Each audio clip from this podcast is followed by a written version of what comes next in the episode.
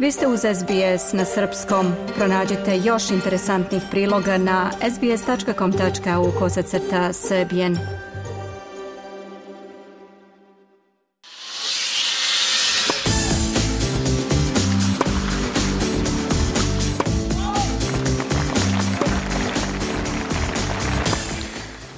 finalu ovogodišnjeg Australije Nopena ipak nećemo gledati toliko očekivani duel prvog i drugog tenisera sa ATP rangliste. Za Španca Carlos Alcarasa takmičenje u Melbourneu je završeno u četvrt finalu porazom od najboljeg nemačkog igrača Aleksandra Zvereva o 3-1 u setovima. Zverev je naročito u prva dva seta u potpunosti nadigrao rivala, a zatim došao i na korak do ekspresne pobede od 3-0. Međutim, pri rezultatu 2-0 u setovima i 5-3 u trećem za Nemca, Alcaraz je uspeo da se vrati u igru i da smanji zaostatak, ali je Zverev ipak bio bolji i u četvrtom setu i zasluženo se plasira u polufinale a tamo ga čeka duel sa ruskim teniserom Danilom Medvedevim koji je u sredu posle velike borbe uspeo da savlada Poljaka Huberta Hurkača sa 3-2 u setovima.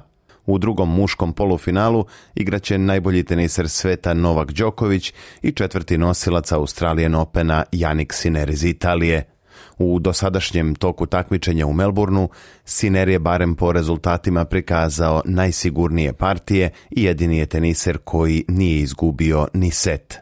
Na putu do polufinala u utorak je maksimalnim rezultatom savladao i Rusa Andreja Rubljova.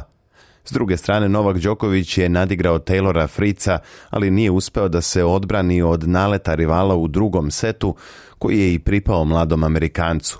Međutim, Novak je pokazao da uvek ima rezervoar energije i arsenal neodbranjivih udaraca i to u trenucima kada je najpotrebnije.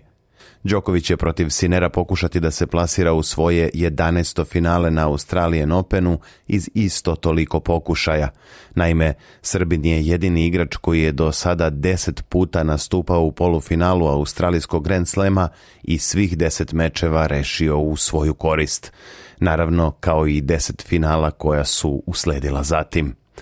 Mečevi muškog polufinala u kojima se sastaju Đoković i Siner, odnosno Medvedev i Zverev, igraju se u petak uveče. Eliminacija Carlos Alcarasa u četvrtfinalu Australije Opena znači da će Novak Đoković zadržati prvu poziciju na ATP ranglisti najmanje do 19. februara. Španac je imao šansu da eventualnim uspehom u Melbourneu preuzme mesto lidera, ali se to ipak neće desiti.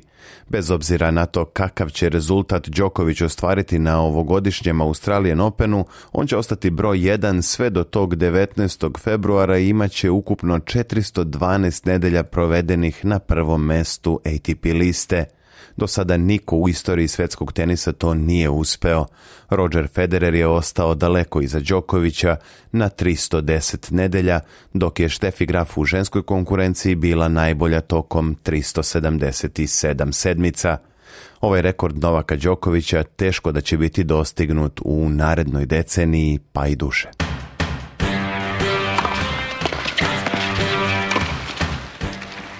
Večera se na Rod Laver areni u Melbourneu igraju mečevi ženskog polufinala Australijan Opena.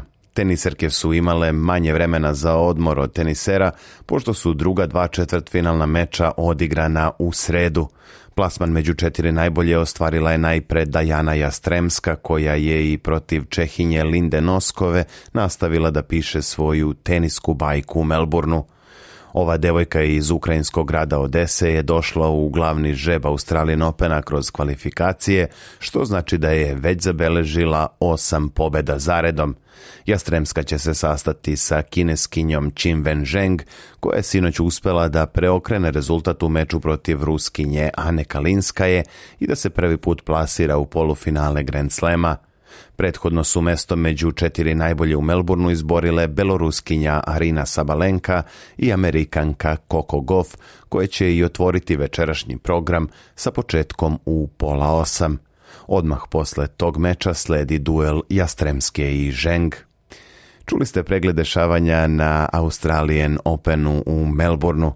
U nastavku sledi nekoliko najvažnijih informacija iz drugih sportova.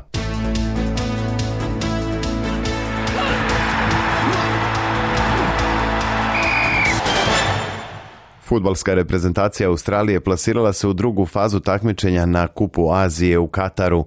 Sokerusi su u posljednjoj utakmici grupe B odigrali nerešeno s Uzbekistanom 1-1 i tako su sačuvali prvo mesto u grupi sa sedam bodova.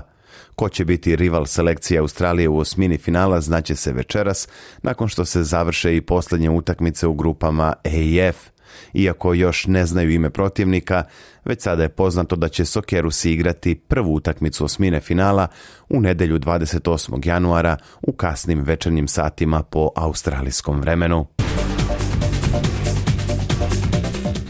Srpska atletičarka Angelina Topić postavila je novi državni rekord za starije juniorke u skoku u dalj.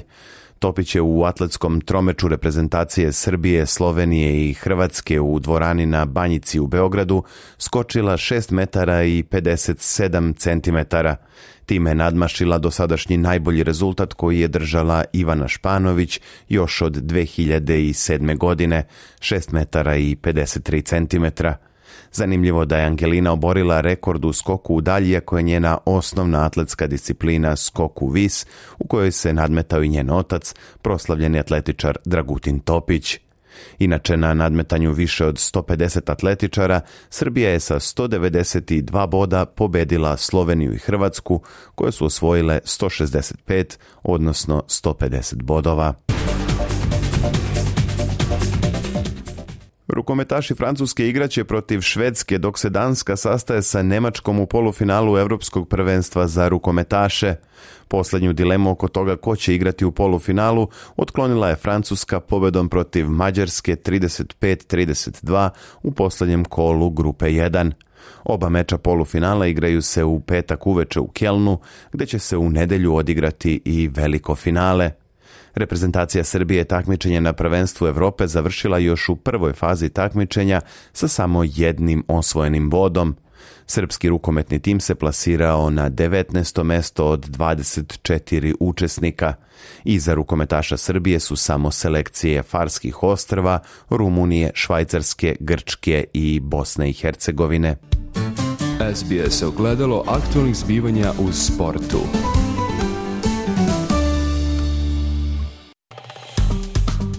Dajte like, podelite, komentarišite.